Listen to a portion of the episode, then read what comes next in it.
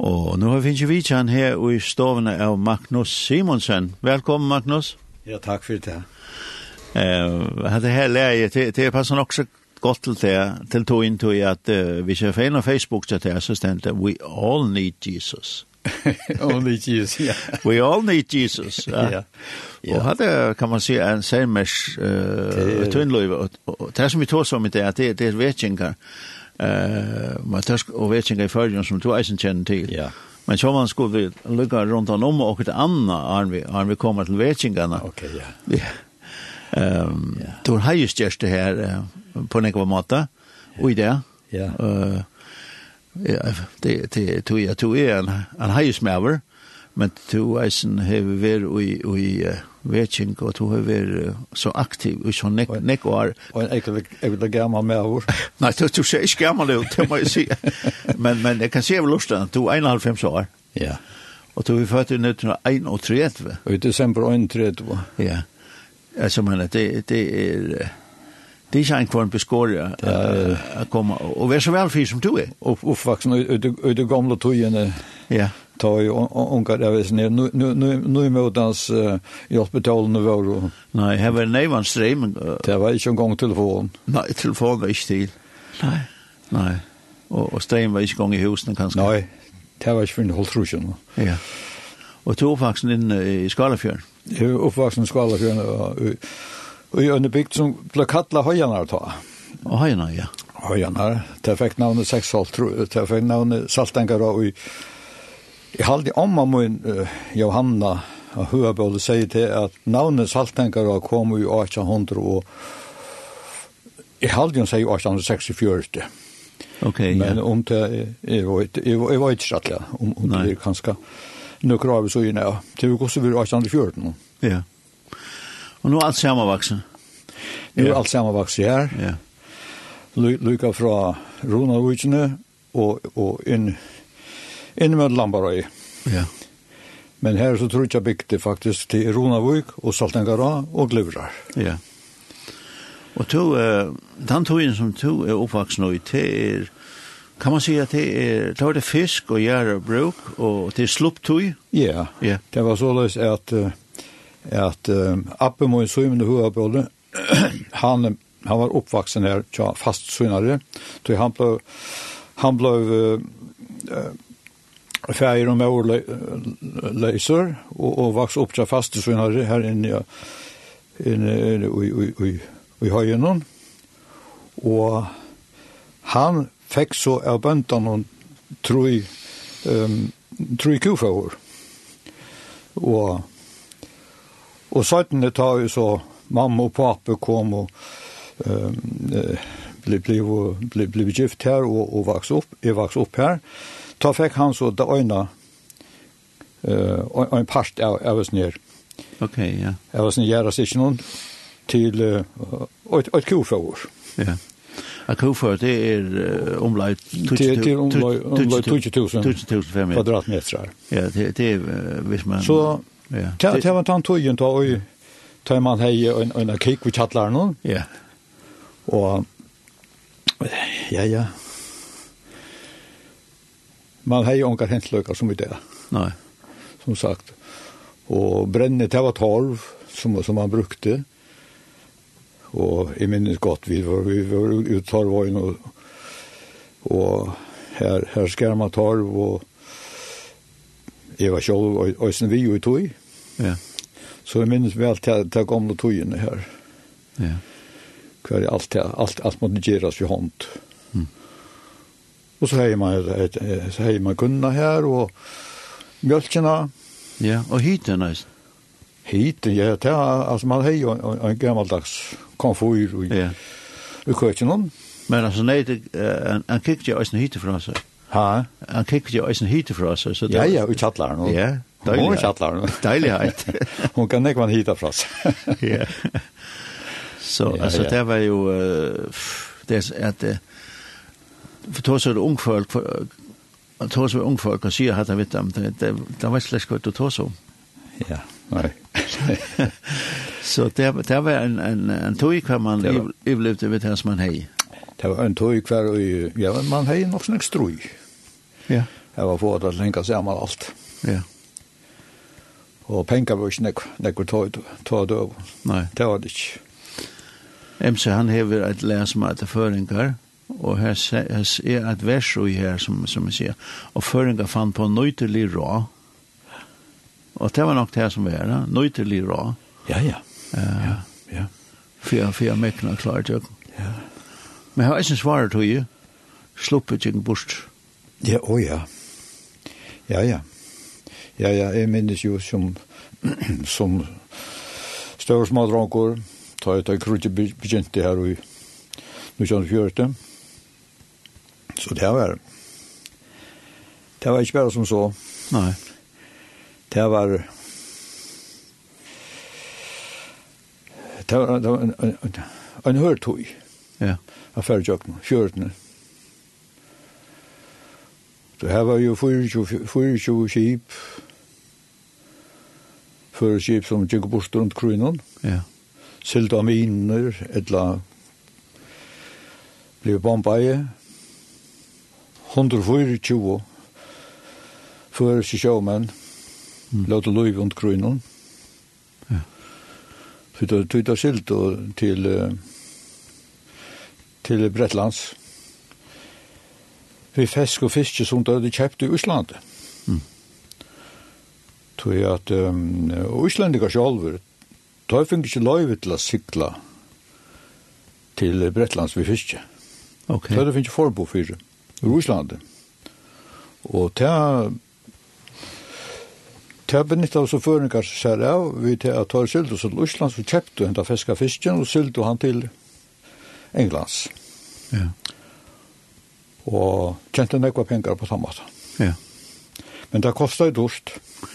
Ja, du sier 124, sier du. Ja.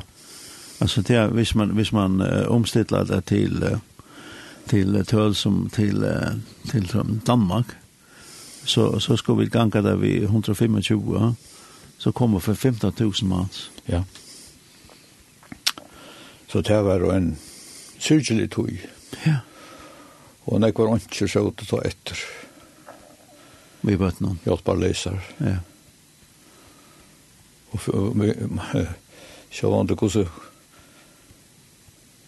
Så det ringte fyra stidlasar, gosse man. Mm. Kunde komme jøkken og til. Ja. Men vi gode og, og gode menneskene så, så gikk det. Ja, nu, nu, nu har jeg jo bare søve, har avhå i søve fra ta ja. Og, og da har jeg om at uh, så var årefettel som at ber henne lykke okker av gotten. Det blir både fisk av gotten til engene som har mist. Ja. Folk og i alle stillhet ble bor med att och var andra. För For ja. kunne klare. Jo, jo. Ja. Det er så, ja. Men det vill säga, at det er ikke enda, då er du en uh, 14 år, eller? Eller, ja. Ja. Du er 14 år, ja. 13-14 år, ja. Ja. Det passer. Så du min, minns jo alt det fra at han tog inn. Ja. Jeg minnes nok så nek, ja, ja. Men nå var det så at, at um, Onsen tar ta høyt ikke, ikke nokon bosted her i Saltangarå, men og Tofton og i Søltafjord her var det så. Og tar bo og i som barakken som så kjølve bygd. Ja. Så man sa der ofte anne. Men her, altså, tar man tanker på, hese, hese her, ångelske herrmennene som ginko her. Onger, vekre menn, første 20 kanskje. Ja. Men da finner jeg nekvar, nekvar førska viner. Og vi tja ofta inn til ja, til, til imisk folk. Øysen, imens øysene onko kom inn til okkara. Og her her ble nek tåsa, mm -hmm. vi sier. Og da så, så hørte man om til at hese her mennene tar så krutje enda i 45 Og ja, ja, ja, ok. Og har en teatoi. Ja. Så hørte man ofte at det ble sendt til fronten. Ja. Her som krutje løyga i herra stod. Ja. Når man de forskjellige ja. steder, ja.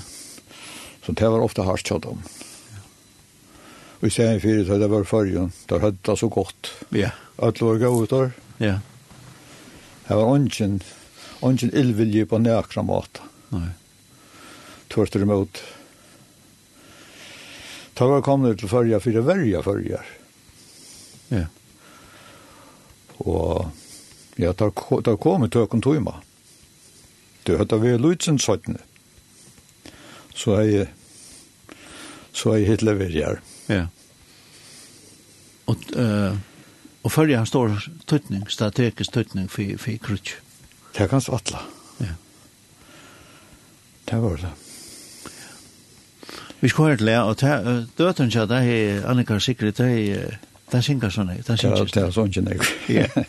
Har du funnet et lær her? Ja. Annika Sikri sier, tale er til mennesker, derfor har vi lustet. etter.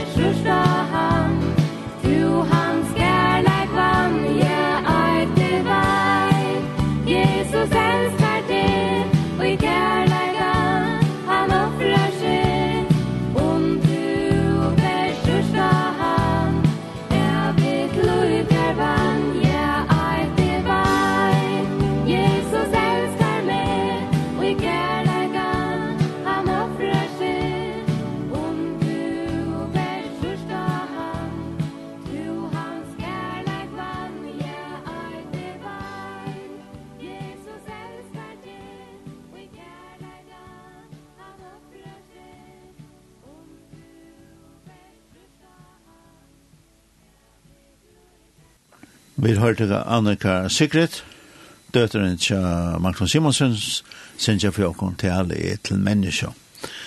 Uh, Magnus, uh, etter sendingen, han har sint rundt om til han vetjengar. Altså til han vet at mennesker vil brått. Ja. Uh, sint øvelsen en, en vanlig til, ikke nærk at du spekulerer, nå skal jeg ta støve til. Det hender øyelig brottlig.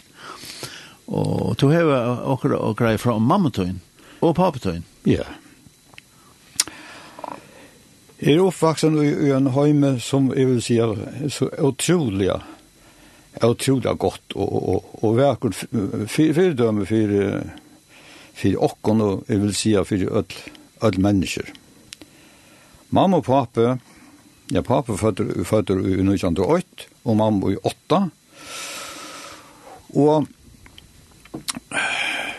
ta og i Hvis, hvis vi tar, tar mamma først, hun, hun, kom, hun var født i Lorvøk, og hun, sammen, sammen med sin sitt, det var tro syskjen, det kom til trygg var Jesus, som, som stør, stør småbøten. Og ta og hun, av ungen åren, som tint eh, ta åren går, eh begynte så ut så sitt uh, antal av lov, så arbeidde hun ut i antalliga i Lorvik. Sen var vi nekon gavun folk her som som uh, man kunde nevna til døgns Pitja Sjöman sa om noen som, som uh, kanskje nek kjenner fra gamla toja, men nu er han fjæren sjånt for nekon år så gjerne. De arbeidde, de hadde sundagsskole Lorvik, og, og alt familjen her. Og omma mun, Magdalena og Abbe mun Magnus, de kom så øysen vi. Abbe var, var den sørste som, som ville komme, han var sinde, sinde tvør og søtt deg. Men, men ta ut så, de søtte vi han, Abbe, kom til øysen vi har møte.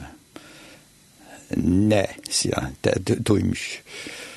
Så, så søtte vi han, Jo, at du måtte endelig komme til det så utrolig, til så øyla godt. Det er godt, men det er så stortelt, og det er så godt at vi har møtt. Ok, la, la meg så prøve. La meg så fære. Ok, så fære han øyne vi. Og det var på en av veien, så han gav så lyd til Jesus øyne. Så så vil jeg si, er, er jeg oppvaksen og i hessen her, mm. omkvarven noen, ja. som er så uavmyndelig godt. Som løs papi øysene. Han gav øyse til Jesus. Og onken Aron, og som sagt, ta og de som kommer sammen, hon kom, hon kom ut i høyan der tjena, tja en mann som kallar for Palli Høygård, han er appe til en del som kallar i det. Og her møttes du teg, papi og mamma, og teg fink og godt eia hver annan, og så blev de som man og i det kallar for forlovet. Mm -hmm. Så trolovet. Det år vi kanskje ikke nek brukt i det, men det var et, et alvarsår i gamle døve. Ja. Jeg ble trolovet for. Ja. Og det første som de gjør, det tar de høyde sagt ja til på en annan, som tro lova i. det var det at de løyde seg knæ, av bia til Jesus. Og løyde seg lov, og i hans hånd, og at han måtte styra tørre løyve. Så det største er tørre, mm -hmm. torra samband vi kon anna. Ja. Og det gifte så i 1920, Ja, og, vi, og, og, og, og fikk oss åtta bøtt. Ja. Og vi er nå tjei av løyve, enn jeg var, jeg var nast, nast eldstor. Og den yngste av okken, Kjei som liva, han er halvfjers, han blir halvfjers år. Ja. Og i sommer. Så her er nok så, nok så spjæring går i her. Ja. ja. Ja. Så her, ja, det er sin inte alltid små. ja, det må man se. Ja. Det var ju två år igår Men Det var utrolig otroliga rösk. Ja. För äldre jammar. Ja. Det må man si. se. et, et, et, et ett sträv men et innihalsrukt, et rukt rukt liv. Det må man säga. Det må man säga ett hus vi vi åtta bötnon. Pop pop blev så skipare. Och sylte. Han sylte oss inte under kronen och men men gavs nog så kött tror jag att han till att appe så i mina huvud på det han han byggde så ett ett, dröjare virksam här samstund som han ösne eh åt tror jag slopper. Ja. Och pappa blev så skipare här. Och som som Jeg hadde han 24 år gammal. da han første fyrst som kipare for uh, til Oslands. Vi sluppende Lissi og ja, ja. Så så tabla tabla så hans er lov at jeg vil sjå med över men men lejes upp på andre ta först under krön. Jeg var ikke ju inte väl ju 41 till 42 Til det var nekva gjerra av landet her som Abbi hei sutt sutt virksemi, han, han hei handel, han hei torsk hus, og vi torska av fisk, klippfisk, jeg var røysene virksig dutt i kjolvor, mm. så jeg var alt om at torska klippfisk. Ja. Det var sin rotea, her, ja. Ja. Det har vi, det vil si at du, du er simpelthen vaksen inn i det her reier uh, fisk, Ja. Det er som det vekst med. Men til en løslei, han får sin til øvelsen. Tøy at... Og så, jeg høyre sin til land. Ja, men sin til, vi kunne ordne hette her.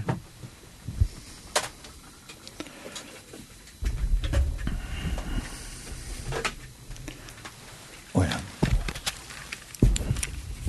Nu friare. Hører du nægge nu? Ja. Ja.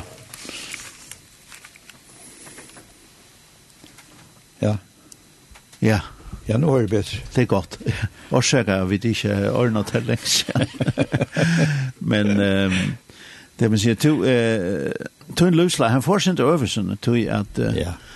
um, Det var ikke tar tøyen, det var ikke vanligt at man har studentsprek. Uh, men men uh, to for ondt til det. Det var helt ovanligt da. Ja.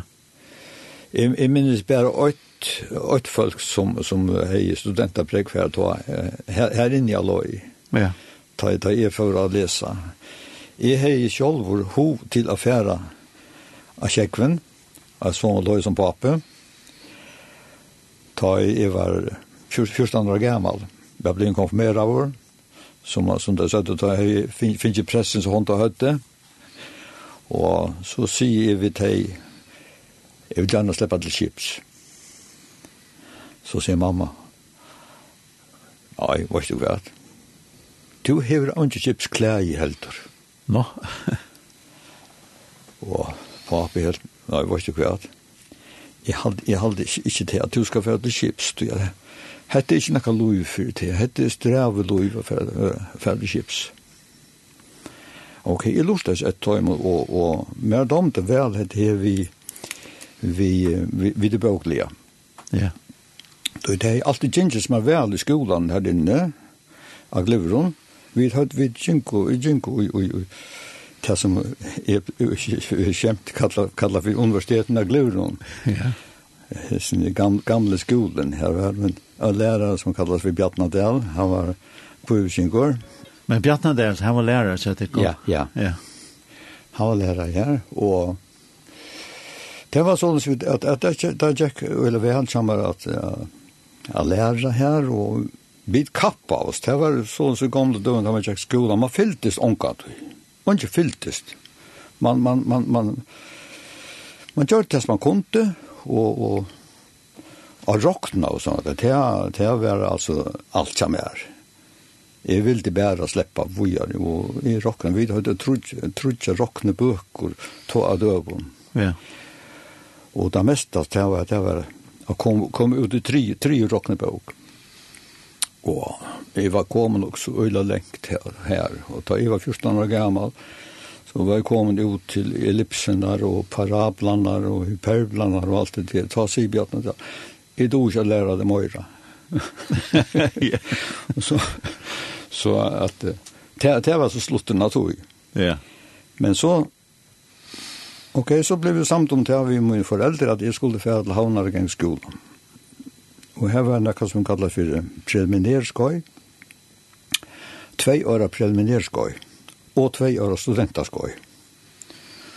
Derfor så holdt vi, og det gikk fint, vi alle måter. og man ble så studenter og, som 18 år gammel. her da.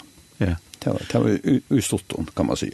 Jeg ser mynt etter at det er tjej, og tjej nærmere, Hva var det også var? Vi var, vi var, vi var tutsjo. Og tutsjo, ja. Tutsjo studenter nærmengar ta i nøysen hans alt trus. Vi var tjej matematikere og trutja målslig. Så som er det, og tjej matematiker. Så så, ja. ja. Her var også noen jenter på i.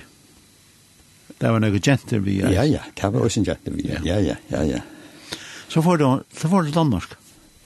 Ja, Jeg bor i Lutsentor, så jeg arbeider sinter hjemme i turskihus og sånn, vi turka fisk og alt det der, ja. og forskjellige sår. Men så følte Danmark å lese. Jeg får først åtte år til Svørkjøs, for jeg lukker med at, at um, jeg sitter med meg inn, inn i det matematiske. Her var jeg så i åtte år. Og jeg spekulerer på at uh, lese vujer og svører, men det ble det altså ikke, ikke til i forhold til Danmark, og politeknisk læreanstalt som man kallet det da. Mm -hmm. Den politekniske læreanstalt, mm -hmm. kallet det da. Nu kallet man det for DTO, ja. Danmarks Tekniske Høgskole. Her fører man så, og, og jeg, ble, jeg ble, fikk så fikk så prekvær og i 1901 trus. Mm som um, verkfrøyngur vi, vi spesial, spe, special og i størkstrøym. Du, jeg hei, jeg hei tankar om ta at at at fer inn sev som ja ja jeg får arbeid her men av av imenskom årsøkene så blei det ikke til det tog jeg at tog jeg at uh, Det kom på ur, ur høytølen knapplig da. Jeg har arbeidet holdt andre årene i Danmark, og en rådgjøring av verkføringsstov som kallet for Bisko Kropo, vi elektriske installasjoner og sånne. Ja. Og først utløkka skilt kan nevna til at det første prosjektet som, som jeg var vid til å arbeide til var elinstallasjoner og hesen, og hesen, bare barakken som stendte der ute hos planen. Ok, ja, ja. Det var nysgjøn røyne trus. Til, til, til, til tvei trus, ja. Ja. Og da ble det sagt, det hette her er en barak som bare skal standa noen få år. Det er så skal han vekk. Og så ender det en i beste velgående. ja. Så, tror jeg så er det ofte fargen. Ja, det er det, ja da det finnes kom opp, så det kan, at det brukes, så det finnes leven. Ja. Det er det beste annet. Ok, men så, så var det det at, at uh, føringer som kom til Danmark, tar høyt og ikke herskilt. Men det var så merkelig at sommer ble innkattlet, og sommer ikke. Og jeg ble innkattet over. Og jeg, jeg vil kalla det intercession, jeg er her, og jeg ble godkjentur, og som, som egna vil være soldater her, og og samme sjån da i forsøren, altså hetta tøym, tøym, altså ikke, jeg tøym ikke spittla, men og jeg, jeg, jeg var akkur giftet da, og, og Annika, Annika, Annika var født, så og samme, altså hva skulle vi gjøre? Her er bare åtta gjøre, det er røyma. Sleppa seg sted. Sleppa seg sted, alle følger. Ja. Og så helt det var det ta. Jeg vet ikke om man kan bruke ordet helt eller ikke. Nei. Et eller annet av Guds løsla, jeg vet ikke. Ta, ta, ta var, kom det i nei i Høydølund, tog at det manglet lærere her. Jeg er aldri med lærere. Det er ikke verre, men jeg har en, mistanke om det at jeg kunne bruke som lærere. Ja. og Jo, det var Jakob Gjeren som, som var byen om å komme til Høydeler som lærere. Jeg var ikke om det var Kristian Haraldsen, eller Thomas Nykård, som har sendt på etter honom. Han var akkurat livet ta øyne å lese, men han kunne ikke fære av omkring årsøk. Så kommer han til Moine og spyr om, om jeg har fære. Jeg sier, ja, jeg vil gjerne fære. Og Jo, jo, jeg setter meg så samband vi, vi, vi høydeler og ta og finne seg sted, så får vi ta hjem. Og jeg ble så lærer her. Ja. Det var så største på en nytt karriere. En nytt karriere, ja. Men så kom du hjem, du kom jo hem med en familie, du hej på kona och och och ja. så en ja. barn. Ja. Vi det ikke bygd boy. Nej. Och men det, det var så det var så enkelt att politiska system i förrjun då. Her var det øyla løyde folk ute i Tinkanes. Og i først åman her. tog seg med en, en, en kila mann, jeg aldri var kvalbinko. Uh, Jens, Jens Pauli Lendersen, jeg tar Nils Pauli Lendersen. Og så sier han til at, at tida bi med kom hjemme og læra her, jeg var ikke bygg hvor Jeg var kone og vi var her. Ja, men sier han, overste hatt av gamla huset. Det stendte tømt. Vi, vi kunne alltid rykka det til, så de kunne bo her.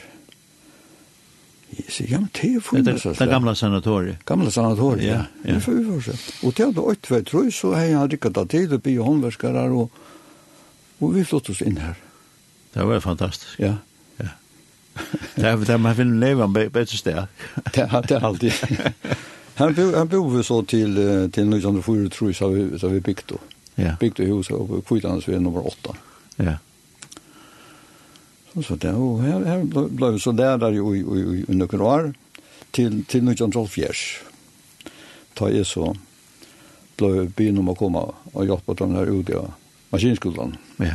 Nu ska jag höra vi får höra Annika kan säkert en för sig. Och till Jesus nu kallar.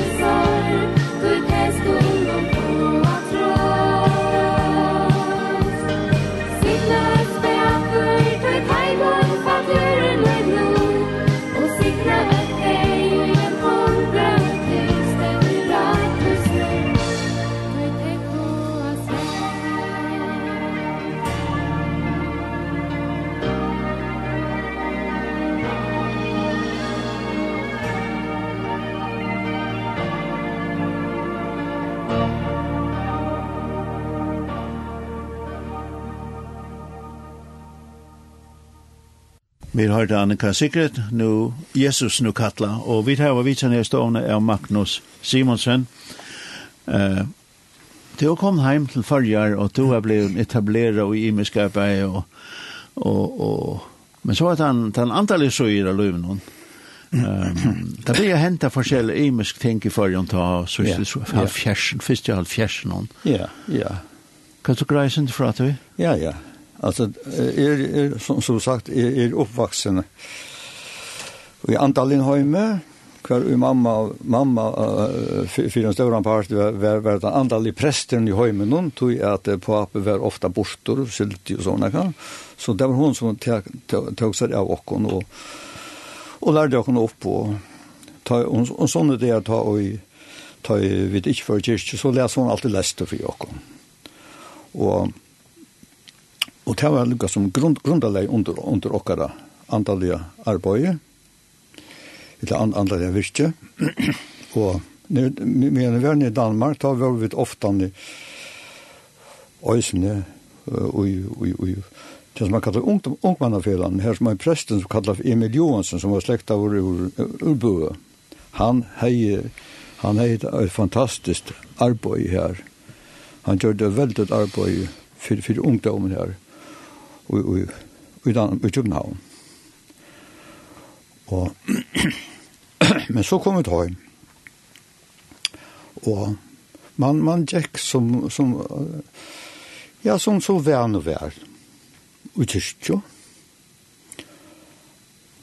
Onka hentra fyrir møte og sånn det. Det var onka nere i morgen, jeg synes minnes det godt. Lortet et om gamle. Dovas, som man kallar han, og, og ærer onker, onker, onker, onker er predikantar og islen. Men, men da det var lort etter Alfred Petersen, han var en fantastisk taler, vil si, og den gamle Alfred Petersen, altså ja. Abbeten henne her Alfred. Og ja, och och våra föräldrar de då väl Alfred det, det blir kallat för alfredianare det är som det är som Lucas som var var ja stod stod av han och han tar andan i arbete han, han var, jeg, jeg vil si det, han var en, en fantastisk god predikantor. Her år virkelig sin makt. Men selv var jeg og sin synder, hva skal man si, og sin passiv var jo. Ja. Innenfor andre liv. Kvillande liv. Kvillande liv, ja, det kan man godt si. Ja. Så man gjør ikke noe gong, ja. Nei. Men så, så hender det her, som var, virker sånn ondallet oppå, oppå nek mennesker, og jeg på meg. Man hørte om så karismatiske vekingsene, som kom, ja, hon, hon, hon, hon blant annet stavna første trusjen halt i, i Amerika, som jeg har hørt. Så kom det følge røysene, og det var først vi vi vi någon någon norrmon och och och fiska tal om och att gå att Thomas Joel Askam som som var huvuddragkraften i förrjun innan innan innan vi kanske man skulle vetna han var han var fantastisk med att lyssna. Och en väldigt evangelistor och han gjorde ett väldigt arbete. Och hej gott frymå och året sin vakt. Så var det det att at uh, ja. Det kom nok normen til førjer her i middelen var Eivind Frue og han kom så ja, men Arne Teatøy vil si at vi tar ut et telt som ble røyst av Lena vatten Oh Lord my God When I in awesome wonder Consider all The worlds thy hands have made. I see the stars I hear the rolling thunder Thy power throughout the universe displayed. Then sings my soul my savior god to thee. How great thou art. How great thou art. Then sings my soul holy Savior God to thee. How great thou art. How great thou art. And when I think That God his son not sparing Sent him to die I scarce can take it in. That on that cross My burden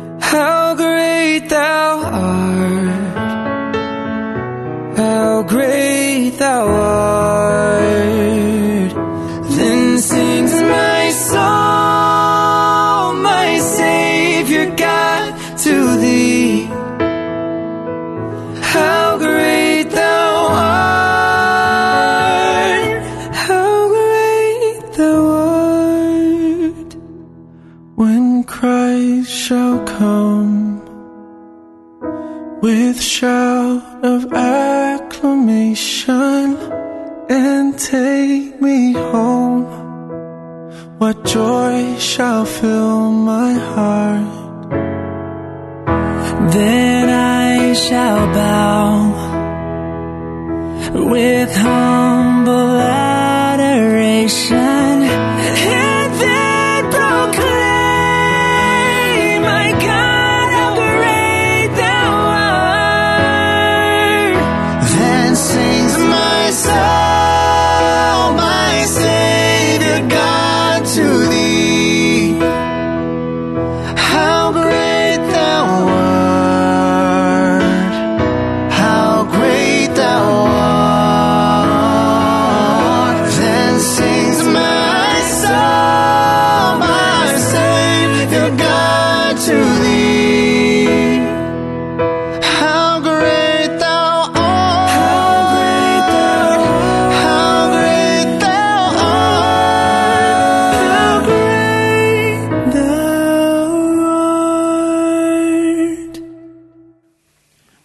hørt uh, How Great Thy Art of the Anthem Light, et læs som uh, Magnus Simonsson som sier til Stoven Tjåkon, uh, damer vel, halte man kan sige.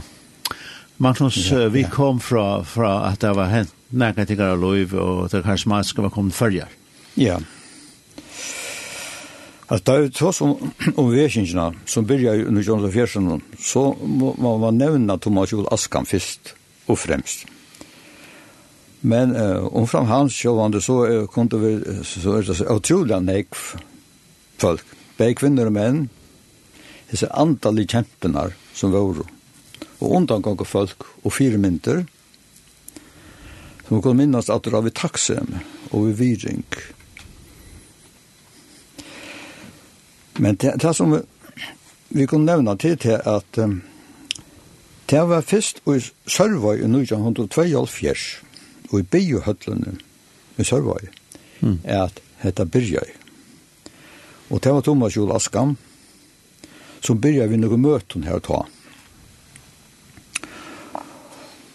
Og, og øysen i under paskastevn og har etter og under andre trojalfjers.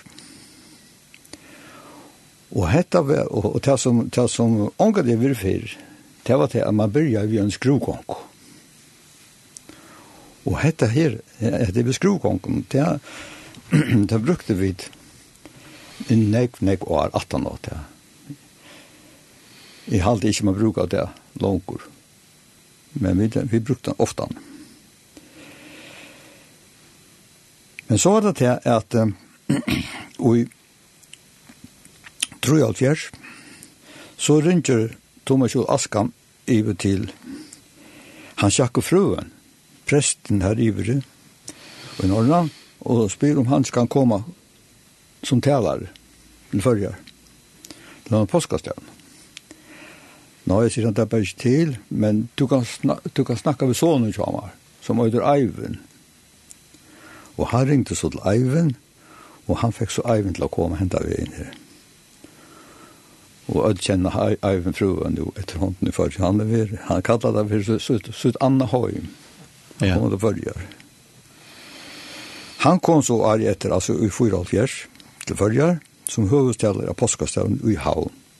Og hon ble hilden i Aulene og i av lærerskolan i Havn. Hette var altså første for Eivind var i Førjar. Så det nek var så igjen nå. Ta han unge med av. Han var ek, han hei en ekkulia radikala båskap øyla radikala. Jeg minnes godt, jeg var, jeg var vidla møte i Øysen her. Jeg minnes godt hva han tog seg om Øysen. Jeg får ikke om tåret han nevna det. han, han tog seg om at jeg var tutsjent. Mm -hmm. Hetta var pure okjent tjåkon, at jeg var tutsjent. Hva det var for nekka. Og han tog seg om det her, og han var så radikaler at han, han, han at iveskriften av talene var er du en tyv? ja. Er du en tjov? ja. Men jeg, jeg, jeg halte ikke at han har brukt det året i det. Nei. Han var ung og med av og tog han ja. ekle radikaler. Det er det helst russer, så ja. Ja. ja. Men ok, det, det, det er godt at jeg var tutsen. Ja. Det, det vet vi det. men, ja. men nek, uh, nek mennesker tar det blir brøtt i samband med alt. Ja, ja. Hette her, så, hette her nudja som, som kom, hvis man kan kalla det for nudj, evangeliet sjående, det er jo etter gammalt. Du kan se Jesus sa tog igjennom. Og det var, det var sin, sin nudj, vi til at det som alle stod om det, det var så antall i nøye nøygavunar som man slett ikke tog seg om før. Hette vi gjøre bruk av de antall i nøyegavene som, som alt godsbøten hava var finnes. Som, som gav, tog kallas for nøyegaver. Til, til av nøye vi da finnes der. Ja? Alla hesa her fantastiske gavene som man lever. Vi har bia, til dømes til å bia for sjukken, vi handta alle ikke, grøying og alt det der det ble ikke sånn jeg brukte gamle døven halvtid. Men dette ble lagt, det ble større dente lagt råd her. Og dette vi bjør fram. Mm. Det var, det var sånn... Det var tok støve. Ja, så, så folk tok, tok støve, bjør fram til frelse, til forbøn. Og ta får mennesker fram. Mm Hetta helt vil vera nok så. Jeg vet ikke hva man skal si, ja. Om man skal bruke, bruke alt det, ja. ja. Jeg synes det er vanligt. Men løy blir brøyt? Løy ble brøyt, jo. Og ta og man fer fram, og gjør oss et løy til Jesus. Som anker sier, med en øtl ånd og suttja. Ta, ta, ta gjør nekka helt anna. Ja. Det gjør det det var vårt, og andre mennesker vidt at øsene, det var en, en brøyting hendt til løyene. Og Hetta blei òsne, ein brøydig i okkar loju, bæri tja mer og tja mio, kone, kone. Og det som hendte tja mer, personlig, hvis hvis vi kan fordele fra tog, det var til at vi var støtt inn i høyene, vi hadde bygd opp en sommerhus her. Og nå kjent du for alt fjers. Og det sommerhus, vi var ofte her, sammen med bøttene og øsene. Og så, så var det noen møter her. Og det var Det var et, et av samme åsen, det var et av disse karismatiske møtene, og Og det var en, en tjon som kallet seg Marna og Frans Petersen som stod fire tømme møten inne i Magnashusen inne i Klivron. Jeg stod selv og utan vi husen, utan sommerhusen her, og en dag igjen, og jeg høyre det skal være møte om kvöld.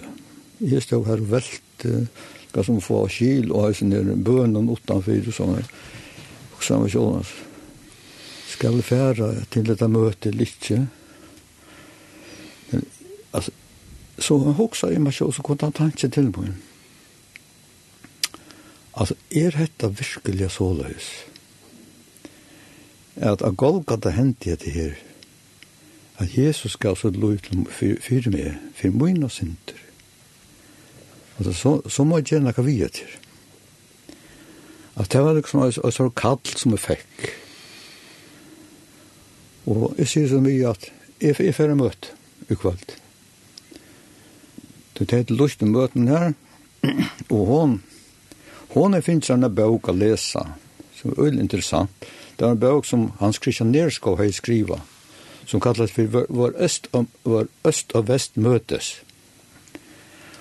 Og jeg minnes ikke hva jeg skal skrive ut i bøkken, jeg har glemt det, men Gosse sier, det gav oss et størst inntrykk på henne.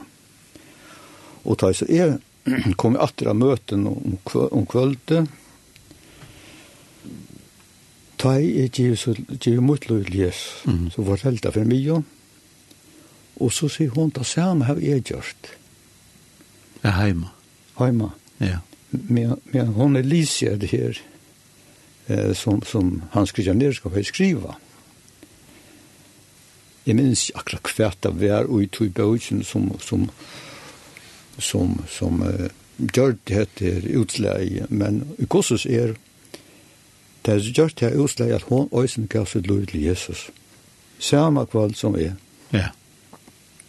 Jeg vil til møte og hun er hjemme. Ja, det var så det, og så så så så tjekk lov hvor jeg gjør. Ja, så var det, kan man säga, en starst på noe nytt. Starst på noe nytt, ja, ja. Og vi ble ekkert gripen av oss ned. Og hilde så til at dette måtte man gjøre noe vi. Ja. Og det ble som starter på okkara antallet virksomhet. Ja. Som ble ekvillig av vittfevnand. Ja. I alle måter. Så var det vi i, i uh, Kjaldmisjonen, som det er? Ja, i Kjaldmisjonen, ja. Så var det til at at uh, kjaldmisjonen, hun største i grunden oppe på tannmaten er at det var av sommer i 1988 er at uh, det ble røst og telt til kjald som var kallet av førekom alene sante jeg var røysen vid til det og røysa det opp vi hadde kjøpt det jeg var vi i ødelnes nere Og det er jeg funnet her, og, og så lydde telt. Det var ikke, ikke til hun som kom stand og gøt og i søytene. Det var mora et, et, et, et minne telt. Så luktes mora den gamle telten. Mm. Det var sommer i 88, Og her var vekka møter, og det var øyla spennende var det. Jeg minns papen min var øysene vi, og vi var, og jeg kan drias øysene, vi var vidla røysa teltet. Og da kom oss inn vinter til øyna, for jeg minnes at, jeg kan nevna forstått lukka skilt, at teltet var vi for å flå, med en vrøst til her. Så sier jeg kan drias, han, han, han, var, han var jo, han var 20 år gammal. Han sier, jeg skal binda bind, binda etter band i bøyne av meg selv, så fyrir jeg telt unga vi. så kommer en og teltet fyr opp. Og nu strammar ui tjo hon øysene, og han fyrir opp i leisa luft, med bøyne og hakst. Han helt til at han hei bunte seg og teltet så fyr unga vi, men det er ikke det. Ja, han han kan gå ner att jag lägger och sånt. Ja. Och okej, vi gick så här, vi hade något av vakt. På var rösten vi något av vakt. Ja.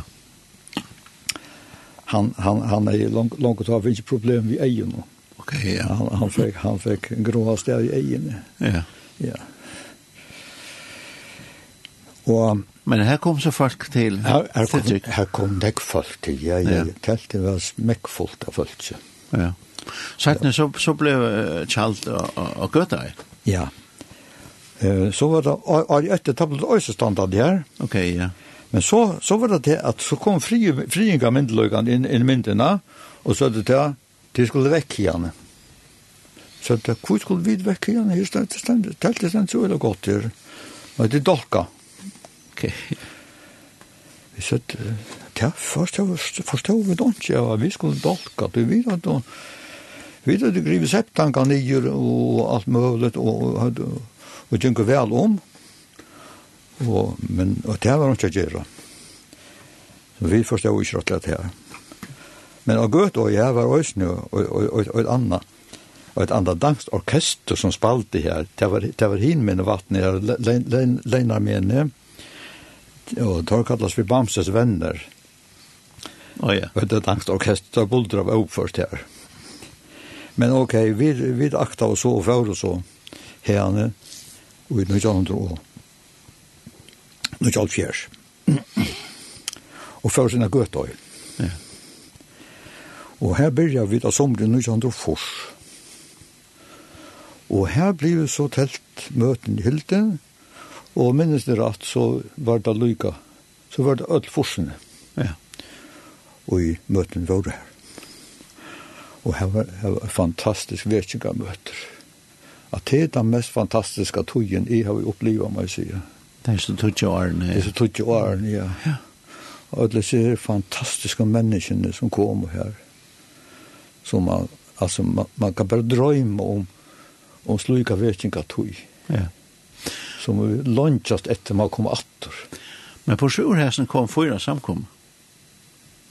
Alltså chansen mötena. Ja, vad säger du? På sjurhäsen kom fyra samkom. Åh oh, ja. Ja. Ja, ja. Sol de gloria. Og og så var det kjelta. Ja. Og og så mine i Høyvuk, som man kallar det. Vi kallar det mine i Høyvuk, ja. Det var så att, att det var ju Öjnefors. Vi hade byggt här uppe i Kvidansvännen. Och det var inte, det var byggt var öjla lojtel ta. Men det var inte antal, inte antal arbeid her. Og som sagt, vi, vi ble en vakt ta, antal jeg sier. Og så var det noen nækre menn, kan man si det, var i Høyvøk, i Havn og Kvitanese, som tog oss dit til at uh, færre holdt vi noen møter. Sånne kveldsmøter. Og vi skriver altså et, en, en omsøkn til Tørsland Bøyra og til skolastjøren her oppe, om vi ikke kunne lene, eller slippe her møtene ut i skolen. Jo, det fikk vi løyve til, og vi startet oss hese møtene i februar måned 1901 og fors. Ja. Ja, og det var fantastisk også. Det var starten til en, en, en vetika tog i Høyvøk. Som i det er uh, samkommer og asen. Ja, og det er så Ja. Inn, inntil vidt. Så øyne før, før vi holdt via bytja. Ja. Og det var, ja, det er var så gjerne. Ja Det var 2005. Det var, var 25 år i skolan när jag så läsna. Ja. Ja. Ja, ja. Och, och så kom man samkommet till att det var Libanon. Och Libanon, ja. Ja. Ja, hon var nog den första. Hon var den första, ja. Ja. På Sjura så här vet jag som sagt faktiskt blir jag då. Och jag ja. fjärsen. Ja. Ja. En, en fantastisk tøy. En fantastisk tøy, og som... Sjålande tøye brøydas og, og, og, og maten som, som da vil praktisere på brøydstøysen vi tøyene. Men så det vil lønnes etter at vekking. Ja, vekking skal komme, og, og vi har finnet så utrolig oftane. Så må lyfte fra herren. Jeg skal sende til knøyne vekking. Ja. Og alt som gleder åkken, men, men kan til at vi har hørt om at det er fer etter fer, huset skal være for nekk for løyde, så folk standa åtta for kø for å slippe inn. Ja. Og det, det gleder dere til. Ja, så ikke frem til det. Jeg så ikke frem til det.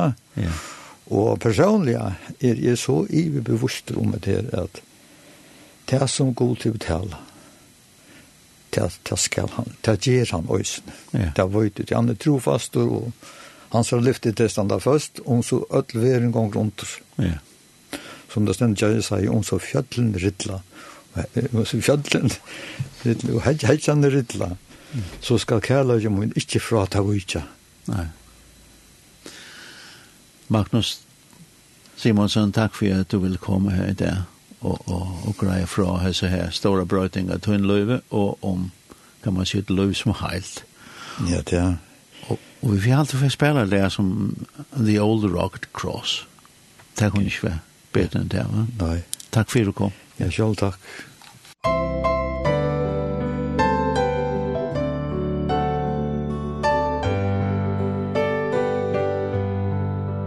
On a hill far away stood an old rugged cross the emblem of suffering and shame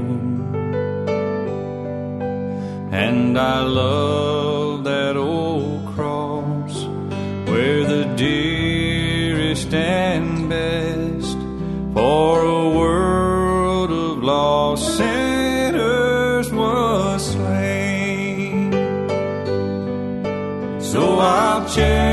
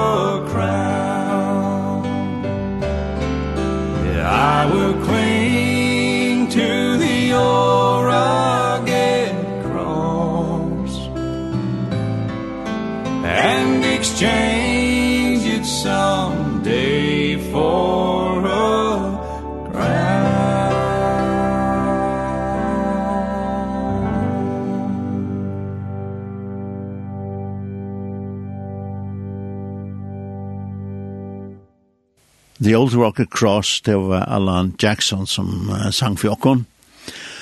Uh, Sensjen der har vi et uh, nomen sendte vi vetjenga som har vært rundt om okkon, og eisen her og i fyrjon, og vi tatt haft en glede haft uh, Magnus Simonsen, som har greit seg sendte fra vetjenga som han sjål med en parst av, og han sa lov som heilt.